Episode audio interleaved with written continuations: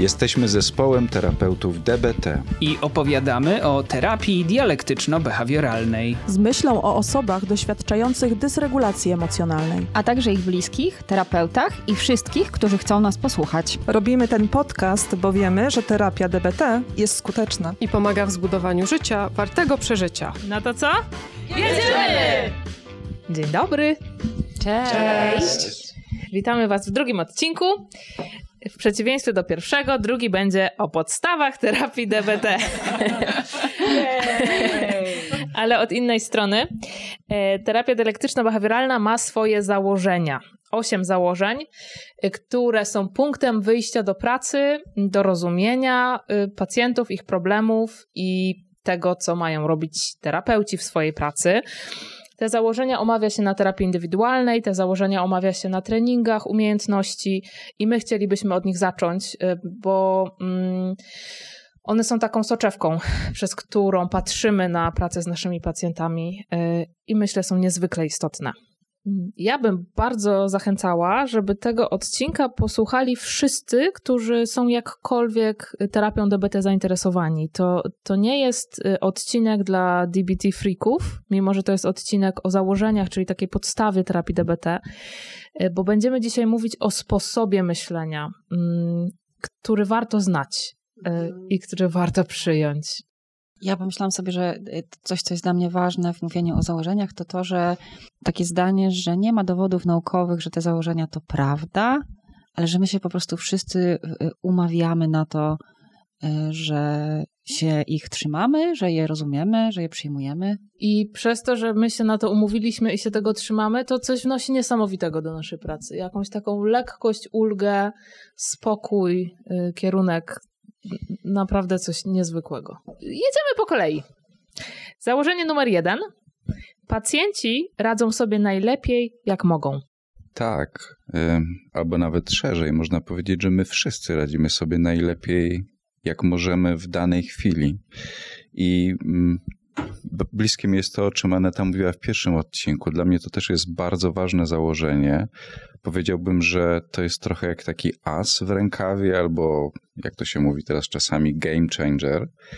Bo pomyślcie o takiej sytuacji. Mm, jesteśmy w gabinecie i dzieje się coś naprawdę wymagającego, coś trudnego. Na przykład ktoś mówi: Proszę pana, ta terapia jest do kitu, to w ogóle nie działa. Idę zrobić coś bardzo ryzykownego i potencjalnie niebezpiecznego. I myślę sobie, że nie tak dawno temu mógłbym o tym pomyśleć, kurczę, co za nieuprzejme zachowanie, dlaczego ten człowiek tak postępuje i dlaczego mi to robi w zasadzie. Ale jeżeli będziemy pamiętać o tym, że naprawdę każdy z nas, i ja, i osoba, która przed nami siedzi, w tym momencie radzi sobie najlepiej, jak potrafi, to, to coś diametralnie zmienia w spojrzeniu na to zachowanie. E, można pomyśleć, że jeżeli pamiętamy o tym, że ta osoba prawdopodobnie przeszła przez jakieś piekło życia i że w tym momencie, gdyby była w stanie poradzić sobie lepiej z tą sytuacją, to by zrobiła tak, ale po prostu nie ma w tym momencie innego narzędzia, to to przestawia coś w naszym myśleniu na perspektywę, aha, to możliwe, że ta umiejętność jest w tym momencie na tym poziomie, potrzebujemy ją wzmocnić. I to pozwala mi, jako terapeucie, zachować serdeczność i skuteczność działania. Ja chcę powiedzieć, że to jest super, kiedy można tak myśleć, kiedy nie muszę oceniać drugiej osoby, nie muszę o niej myśleć, ona jest taka, siaka, manipulująca, pokrętna, nie ma motywacji, robi mi na złość. Nie muszę tego robić. Mogę pomyśleć, ona robi najlepiej, jak jest w stanie. To jest, to jest tak świetnie móc tak myśleć o, o drugim człowieku, nawet kiedy on robi coś, co, co nie tylko jego boli, ale też mnie bardzo boli. Mhm. Ja, ja o tym y, myślę też w taki sposób, że y, łatwo przychodzą do głowy takie myśli pod tytułem a przecież wystarczy się trochę wysilić, a przecież wystarczyłoby zrobić to lub tamto. I czasem trudno nam zobaczyć, że ten ktoś, kto przed nami siedzi, kto z nami rozmawia, a czegoś nie robi, albo z czymś ma trudność, że nawet wtedy, właśnie nawet wtedy robi coś y, najlepszego, co jest w jego sytuacji, w tym momencie, w tych okolicznościach możliwe. A ja bym chciała dodać, y, że mm, myślę, że mm, jak o tym rozmawiamy, to, to przede wszystkim stają nam, na, nam przed oczami e, pacjenci dorośli albo ludzie w ogóle dorośli. A ja myślę, że to przekonanie czy to założenie jest też bardzo dobrym punktem wyjścia do myślenia o dzieciach. Że dzieci też często radzą sobie najlepiej jak mogą, e, że one nawet jeżeli się złoszczą i rzucają po podłodze w supermarkecie, to robią tak dlatego, że lepiej po prostu nie potrafią i że gdyby potrafiły, to by to zrobiły. E, I mnie to założenie sprawdza się też w pracy z rodzicami. Założenie drugie. Pacjenci chcą poprawy swojego stanu. Dlaczego musimy coś takiego zakładać? To jest pierwsza myśl, która mi się w głowie pojawia. A wydaje mi się, że dlatego musimy zakładać, że nasi pacjenci chcą poprawy swojego stanu, e, że czasami w interakcji z osobą, która cierpi, może nam się pojawić takie jakiś rodzaj przekonania czy myśli, że ta osoba nie chce poprawić swojego stanu, że jej się podoba to, że ona się jakoś tapla w tym swoim cierpieniu i w tym swoim trudzie i że po raz kolejny spotykamy się z kimś, kto po raz kolejny opowiada o, o tym, jak mu w życiu źle i z, nie udaje nam się dostrzec, jak bardzo trudne jest komuś z tego cierpienia się wydobyć, i prędzej myślimy sobie, e, ten ktoś pewnie już chce tak y, trwać, chce, żeby tak zostało. I y, takie założenie, że pacjenci chcą poprawy swojego stanu, pozwala nam zachować tą trzeźwość umysłu, która nakazuje nam y, cały czas myśleć o tym, że nawet wtedy, kiedy zmiana jest trudna, nawet wtedy, kiedy e, ktoś przez długi czas nie udaje mu się ze swojego cierpienia wydobyć, i nawet wtedy, kiedy nam się w umyśle pojawia przekonanie, że taka osoba mogłaby nie chcieć się wydobyć z cierpienia, to zakładamy, że ta osoba jednak chce, bo z innego, w innych okolicznościach nie przyszłaby do nas, nie rozmawiałaby z nami, nie robiłaby tych różnych rzeczy, które służą temu, żeby e, wydobyć się z piekła, czy żeby odzyskać jakiś rodzaj szczęścia. Być może jak słuchacie Bartka, to kiwacie głowami, tak jak my tutaj, mm, a jednocześnie jestem pewna, że każdy zna jakąś osobę i to pewnie osobę bliską, która na przykład doświadczała epizodu depresyjnego i nie wstawała z łóżka, albo nie mogła się zebrać, żeby pójść pobiegać, chociaż to naprawdę byłoby dobre rozwiązanie. I to jest właśnie taki moment, kiedy ja sobie myślę, Jesus, ona nie chce zmienić swojego stanu. Gdyby chciała, to by wstała. Y, na, na takie momenty i na dużo trudniejsze momenty jest to założenie.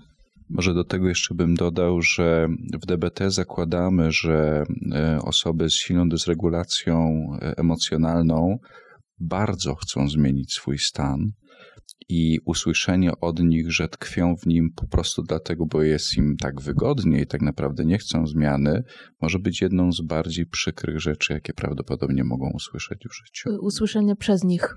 Tak. Założenie trzecie. Pacjenci muszą radzić sobie lepiej, starać się bardziej i muszą być bardziej zmotywowani do zmiany. Ponieważ tu się pojawia pewna bezceremonialność, że muszą, to w tym miejscu szczególnie warto wrócić do tego, że przyjęcie tych założeń to jest wybór i że my się z nimi może nie zawsze zgadzamy, tak? ale gdzieś je przyjmujemy na rzecz skuteczności. E, ja z tym trzecim e, założeniem powiązałabym e, właśnie tę analizę, którą robimy, kiedy się zastanawiamy, czemu nie podziałaliśmy skutecznie. Czyli te trzy kroki, cztery właściwie. Pierwszy, czy wiedzieliśmy, co mamy zrobić? Czy chcieliśmy to zrobić? Czy pamiętaliśmy o tym, żeby to zrobić? A jeśli te wszystkie trzy warunki zostaną spełnione, to czy jest jeszcze jakaś bariera? I tutaj osobą taką wspierającą w poszukiwaniu pewnych potknięć czy pewnych trudów na tych poziomach jest terapeuta. Terapeuta wspiera e, pacjentkę z tym, żeby radziła sobie lepiej, starała się bardziej i była bardziej zmotywowana do zmiany. Ania mówi pacjentkę, y, dlatego że w y, mm, pierwotnym wydaniu podręcznika Marszy Linehan pojawia się pacjentka, bo y, tak jak wspominała Kaja w poprzednim odcinku, grant był z myślą o kobietach z osobowością borderline Y, ale chodzi nam też o pacjentów i osoby pacjenckie też. Ja sobie myślę, że uwielbiam połączenie tego pierwszego i trzeciego e, założenia, że to jest taka czysta dialektyka, nie? że uznajemy, że pacjenci sobie radzą najlepiej jak mogą i jednocześnie muszą sobie radzić lepiej, starać się bardziej. Dopiero jak się zestawi te, dwie, te dwa założenia razem, e, to, to one są jakoś tak naprawdę pełne dla mnie. Tu widzimy właśnie uprawomocnienie w pierwszym wspomnianym przez Gab Gab Gabrysię mm, założeniu i popychanie do zmiany w tym trzecim, o którym mówi Ania. Założenie czwarte. Pacjenci nie musieli spowodować wszystkich swoich problemów, ale i tak muszą je rozwiązać. Myślę, Ania, że oczywiście jest to trochę podobne to założenie tutaj, gdzie pojawia się to muszę. I myślę, że może się pojawiać tutaj taki opór. To nie moja wina, ja tego nie zrobiłam, że ja jestem tutaj, gdzie jestem. I my to uprawomacniamy. Uprawomacniamy to też przez inne założenia. E, I jednocześnie, jeżeli chcemy zmiany, e, to faktycznie potrzebujemy nowych zachowań, potrzebujemy to zmienić. E, myślę, że e, wielu terapeutów e, chciałoby czasami tak, po prostu, nie wiem, ma taką chęć do uratowania. Do uratowania pacjentek. I pacjentów. I pacjentów, tak, też zostaję przy tym oczywiście, dzięki. Mhm. Ale jednocześnie faktycznie no, to jest ten kawałek, w którym mówimy o tym, że tą dużą część pracy też muszą po prostu wykonać pacjenci. Ja podaję tutaj taki przykład też często na treningu, że wyobrażam, poproszę o wyobrażenie sobie na przykład, nie wiem, że ja idę teraz, jesteśmy w Krakowie, czyli nie wiem, brzegiem Wisły, o, jeszcze idę w mojej pięknej sukience z laptopem i tak dalej, przejeżdża na przykład jakiś kurier, szybko, na rowerze i ja ląduję w tej Wiśle. Czy to jest moja wina? Nie. Nie. Nie. Okej. Okay. Pomyślałam o tej sukience. Ja Okej. Okay. To nie jest moja wina, że się tam znalazłam, okay? ale ja się muszę z tego wydostać. Okay? Może ktoś mi poda jakąś pomocną dłoń, coś tak, ale faktycznie to jest taki kawałek, który trochę zależy ode mnie. Ja, ja mam tak, jak w deszczowy dzień są kałuże na ulicach i jakiś kierowca tak przejedzie szybko ulicą, że mnie bryźnie tym błotem. Ja mam wtedy takie myśli, że on powinien zawrócić, po pierwsze mnie przeprosić, a w ogóle to najlepiej by było, jakby jeszcze mi wyprał ciuchy. to się nigdy nie dzieje. Ja bardzo lubię to podejście, bo ono podkreśla to, jak to jest w moich rękach, to znaczy, że ja mam też sprawczość. Czyli to buduje mnie, to mnie wzmacnia. A ja znowu stanę po stronie dzieci i nastolatków, bo do nich to porozumienie powinno zawierać taką gwiazdkę na końcu, bo rzeczywiście jest tak, że często dzieci czy nastolatkowie e, no, zupełnie nie, nie, nie powodują jakby swoich problemów, nie? że te, te problemy są w pewien sposób wpychani, e, ale dla nich to porozumienie też e, działa. To znaczy oni też muszą próbować dążyć do rozwiązania swoich problemów na tyle, na ile na dany moment rozwojowy potrafią. Fajnie, Kaja, że mówisz o gwiazdkach, bo y, jest jeszcze jedna gwiazdka do tego porozumienia, że jeśli postęp y, czy zmiana jest stała i równa, to, to, to znaczy, że starania są wystarczające i należy je utrzymać. To znaczy, że jeżeli e, cały czas dążysz do zmiany i robisz to, to nie musisz się już starać bardziej. Okay. Starasz się wystarczająco bardzo. Właśnie sobie uświadomiłam, że to była gwiazdka do poprzedniego porozumienia. Nie wiem, czy to gwiazdka, ale jest chyba też tak, że jak pacjent na dany moment nie jest w stanie rozwiązać problemu, to yy, pro, u, takim yy, krokiem do przodu będzie nie pogarszanie swojej sytuacji, czyli nie w, zgodnie z tą e, metaforą przedstawioną przez Anetę, no to wyobrażam sobie, że nawet samo utrzymanie się na powierzchni wody w tej Wiśle jest lepsze niż w tonięcie i wpadanie w jakąś panikę lub histerię i doprowadzenie do tego, że pogarszam swoją sytuację. Y, a ja bym jeszcze chciała dodać, że Aneta i Bartek operują taką metaforą wpadnięcia do Wisły, czy, czy ubrudzenia się deszczem, czy błotem, y, a pewnie rozumiemy wszyscy, że czasami życie wpakowuje nas w znacznie poważniejsze problemy niż laptop utopiony w Wiśle. I to przede wszystkim do takich sytuacji jest y, to porozumienie. Założenie piąte. Takie życie, jakie aktualnie prowadzą osoby z dysregulacją emocjonalną, jest niezwykle bolesne. Ja podobnie tak jak przy poprzednim porozumieniu, mam ochotę powiedzieć, że um, rozmawiając z osobą z dysregulacją emocjonalną, można czasem odnieść wrażenie albo myśleć sobie, że ich życie wcale nie jest takie złe, że sobie jakoś radzą, może chodzą do pracy, a może mają rodziny, a może zdarzają im się też rzeczy, które są e, przyjemne i pozytywne. E, przychodzi ktoś, kto jest dobrze ubrany, ma makijaż, e, fajne buty i fajnie się ubiera. I możemy dać się zwieść temu, że, że w życiu tych osób w zasadzie dzieją się dobre rzeczy i zachęci nas to do tego, żeby im mówić: Ej, twoje życie ma dobre strony i wcale może nie jest przepełnione takim cierpieniem, jak ty mi mówisz, że jest przepełnione cierpieniem. I to założenie pomaga nam trochę y, zobaczyć, żeby tego cierpienia nie unieważniać, żeby nie mówić tym pacjentom, że tym osobom, y, że powinni patrzeć na pozytywną stronę życia. Wiem, że mówienie czegoś takiego wcale nie poprawia sytuacji. Mnie osobiście to y, założenie zaprasza do tego, żeby zawsze pamiętać o tym, żeby nie pomijać cierpienia moich pacjentów, z którymi pracuję. Myślę, że każdy, kto kiedykolwiek czuł bardzo silny ból, nieważne jakiej natury, Y, potrafi utożsamić się z tym pragnieniem, żeby, żeby ten ból się zmniejszył, żeby w jakikolwiek spo, w jakiś sposób się od tego bólu uwolnić. Dla mnie o tym jest to założenie. Marszalina Han używa takiej metafory. Ja mówiłam o tym chyba w pierwszym odcinku, że y, dysregulacja emocji potrafi być jak y, piekło. I ona mówi też o tym, że wychodzenie z dysregulacji jest jak wychodzenie z tego piekła, ale po płonącej, rozżarzonej metalowej drabinie. I jest tak, że każdy kolejny krok będzie bolesny.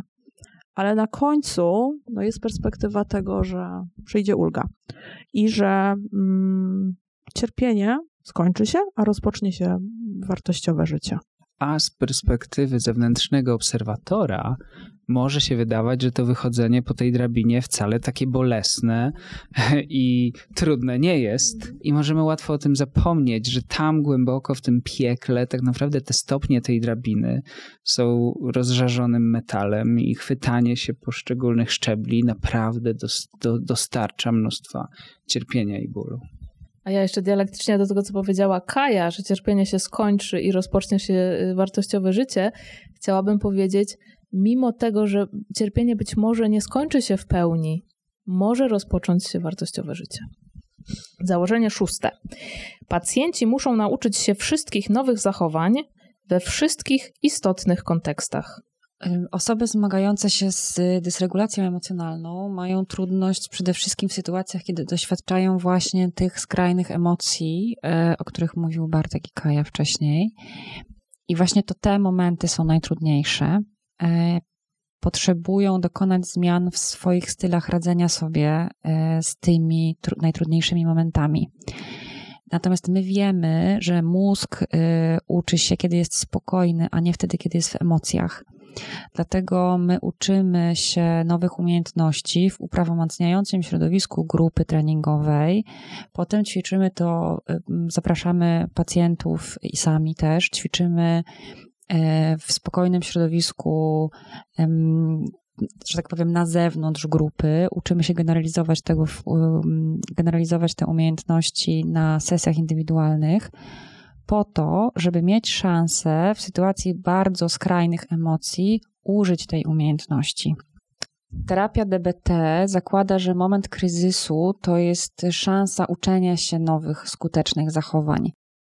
Więc pamiętamy o tym, że musimy uczyć się umiejętności w spokojnych warunkach, po to, żeby później w różnych kontekstach i emocjonalnych, ale też takich sytuacyjnych i używać, bo zupełnie inaczej jest użyć umiejętności w, w, relacji z panią w sklepie, a zupełnie inaczej z kimś, kto wywołuje w nas silne emocje. I po to jest coaching telefoniczny, że najpierw uczę się o co chodzi w umiejętności na spokojnie, ale potem jak doświadczę momentu ym, dysregulacji emocjonalnej silnej, dzwonię do pani Kai i mówię pani Kaju, potrzebuję pomocy. I pani Kaja wtedy mówi, Panie Emilio, tip. Mhm. Proszę przygotować miskę z zimną wodą. Ale też sobie tak myślę o tych kontekstach, że to też y, mnie jako terapeutce pomaga w takim myśleniu, że jeżeli pacjent użył jakiejś umiejętności y, raz, to, to nie znaczy, że użyje jej następny, na pewno za każdym razem w każdej sytuacji. E, tylko, że czasem może zapomnieć, czasem e, użyć i to może nie zadziałać z różnych powodów, że to nie jest tak, że jak mm, człowiek nauczy się czegoś raz, to już zawsze będzie pamiętał i, e, i to też jest jakieś uwalniające.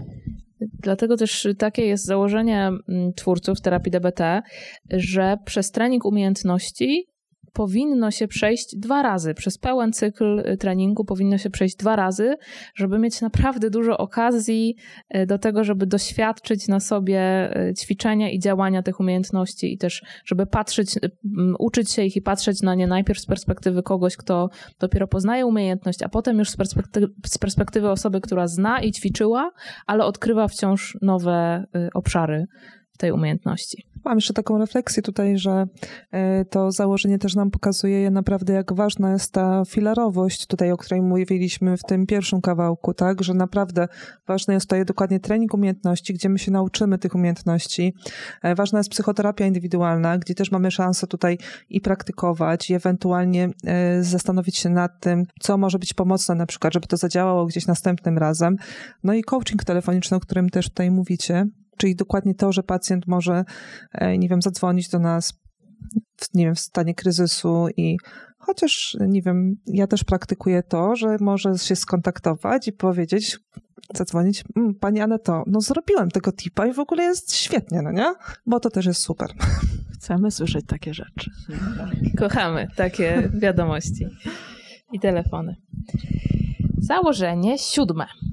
Pacjenci nie mogą ponieść porażki w terapii. To takie założenie, które e, pewnie jak się je widzi na papierze, to jest jakąś doskonałą reklamą dla DBT, e, ale myślę sobie, że ono jest e, niezwykle ważne dla pacjentów, ale też niezwykle ważne dla nas jako terapeutów. E, bo niestety pacjenci czasem wypadają z terapii, czasem się pogarszają, czasem e, nie idą w tę stronę, w którą my mm, chcielibyśmy, żeby szli, czy oni by chcieli pójść.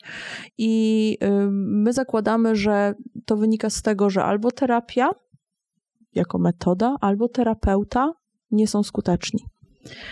Pacjent sam w sobie porażki w DBT ponieść nie może. Jeżeli nie jest wystarczająco zmotywowany, to zadaniem terapii zadaniem terapeuty jest go do tej zmiany motywować. To bardzo odświeżająca perspektywa. Ja lubię taką metaforę, że kiedy idę do chirurga, bo, bo sobie złamałam nogę i ta noga mi się nie zrasta dobrze, to chirurg nie mówi do mnie, Pani Emilio, za mało się pani stara. No, powinna pani tutaj bardziej, bardziej być zmotywowana, żeby noga się zrastała zdarza się, że, że pacjenci z osobowością borderline, że, że pacjenci z dysregulacją emocji słyszą takie rzeczy. I, I to założenie jest o tym, że to nie jest wina pacjentów, jeśli terapia im nie pomaga, to jest wina terapii i zadanie terapii i zadanie terapeutów, żeby pomagać skutecznie. To ja chyba bym się czepiła słowa wina, Aha. bo się staramy nie używać, nie? nie myśleć w ten sposób w debacie, że coś jest czyjąś winą, tylko że mm, są jakieś czynniki, które jeszcze pomijamy, których jeszcze nie widzimy, że do tej zmiany nie dochodzi. Dzięki. Racja.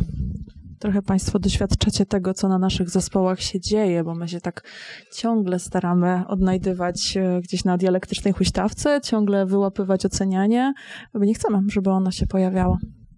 To też pokazuje, jakie to jest trudne i jak e, trzeba się do tego przywoływać, ale też nie ma nic złego w tym, że my się do tego przywołujemy. No to co? Ostatnie ósme. Założenie ósme. Terapeuci leczący osoby z zaburzeniami osobowości z pogranicza potrzebują wsparcia. To jest o potrzebie zespołu konsultacyjnego. to jest o tym, że my terapeuci pracują, pracując z osobami z dysregulacją emocjonalną, często odczuwamy ogromne pragnienie, żeby im natychmiast pomóc, żeby im natychmiast przynieść ulgę, i bardzo często stajemy przed takim dylematem, czy przynieść krótkoterminową, szybką ulgę, y, czy pracować nad długotrwałą y, zmianą, która niekoniecznie zakłada szybką ulgę. To jest ta rozżarzona drabina, która się pojawiała wcześniej. I w tej pracy możemy się zgubić. Y, I, i, i to jest praca pełna wyzwań.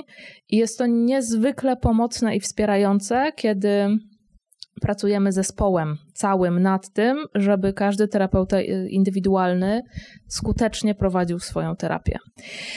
E, my, terapeuci, mamy e, też swoje założenia, które odczytujemy na cotygodniowych zespołach konsultacyjnych. Jest takie założenie o omylności terapeutów, które wprost mówi, że my, terapeuci, jesteśmy omylni i prawdopodobnie popełnimy wszystkie błędy, jakie możemy popełnić. Zespół jest po to, żeby nas przed tym chronić i żeby nas w tym wspierać, e, i żeby mimo naszej omylności prowadzona przez nas terapia była skuteczna. Ja powiem, że zespół służy też temu, o czym mówiła przed chwilą Gabrysia, żebyśmy na przykład nie zalewali się poczuciem winy i nie kwitnęli w winie, tylko żebyśmy na przykład szukali skutecznych sposobów na poprawę naszych interwencji. I żebyśmy zamiast myśleć o sobie w oceniający sposób, szukali odpowiedzi na pytanie, czego zabrakło w naszej terapii, że y, naszemu pacjentowi nie udało nam się pomóc, na przykład. Ja mam ochotę dialektycznie e, powiedzieć, co możemy dodać do naszej terapii, bo jak mówimy o braku, to brzmi już jak błąd, prawda? A my wciąż jesteśmy w tym poszukiwaniu. Chociaż to jest wciąż dialektyczne widzieć to i jako e, brak, i jako dodawanie czuję dużą potrzebę, żeby dodać na koniec, że założenia są prawomocne jako całość.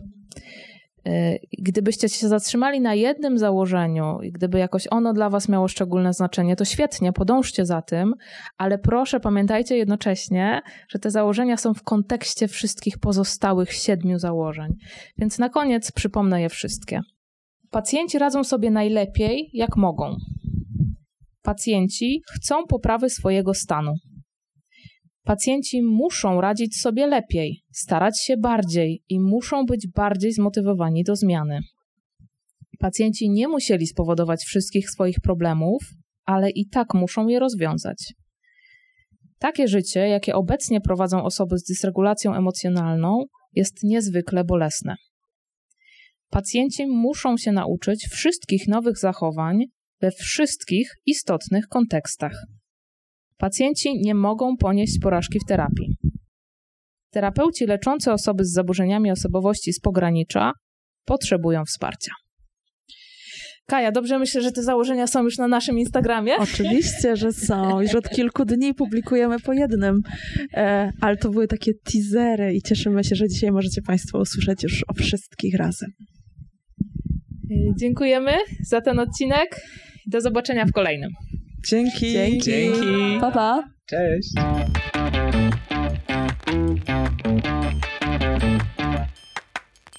Jesteśmy zespołem terapeutów DBT i opowiadamy o terapii dialektyczno-behawioralnej. Z myślą o osobach doświadczających dysregulacji emocjonalnej, a także ich bliskich, terapeutach i wszystkich, którzy chcą nas posłuchać. Robimy ten podcast, bo wiemy, że terapia DBT jest skuteczna i pomaga w zbudowaniu życia wartego przeżycia.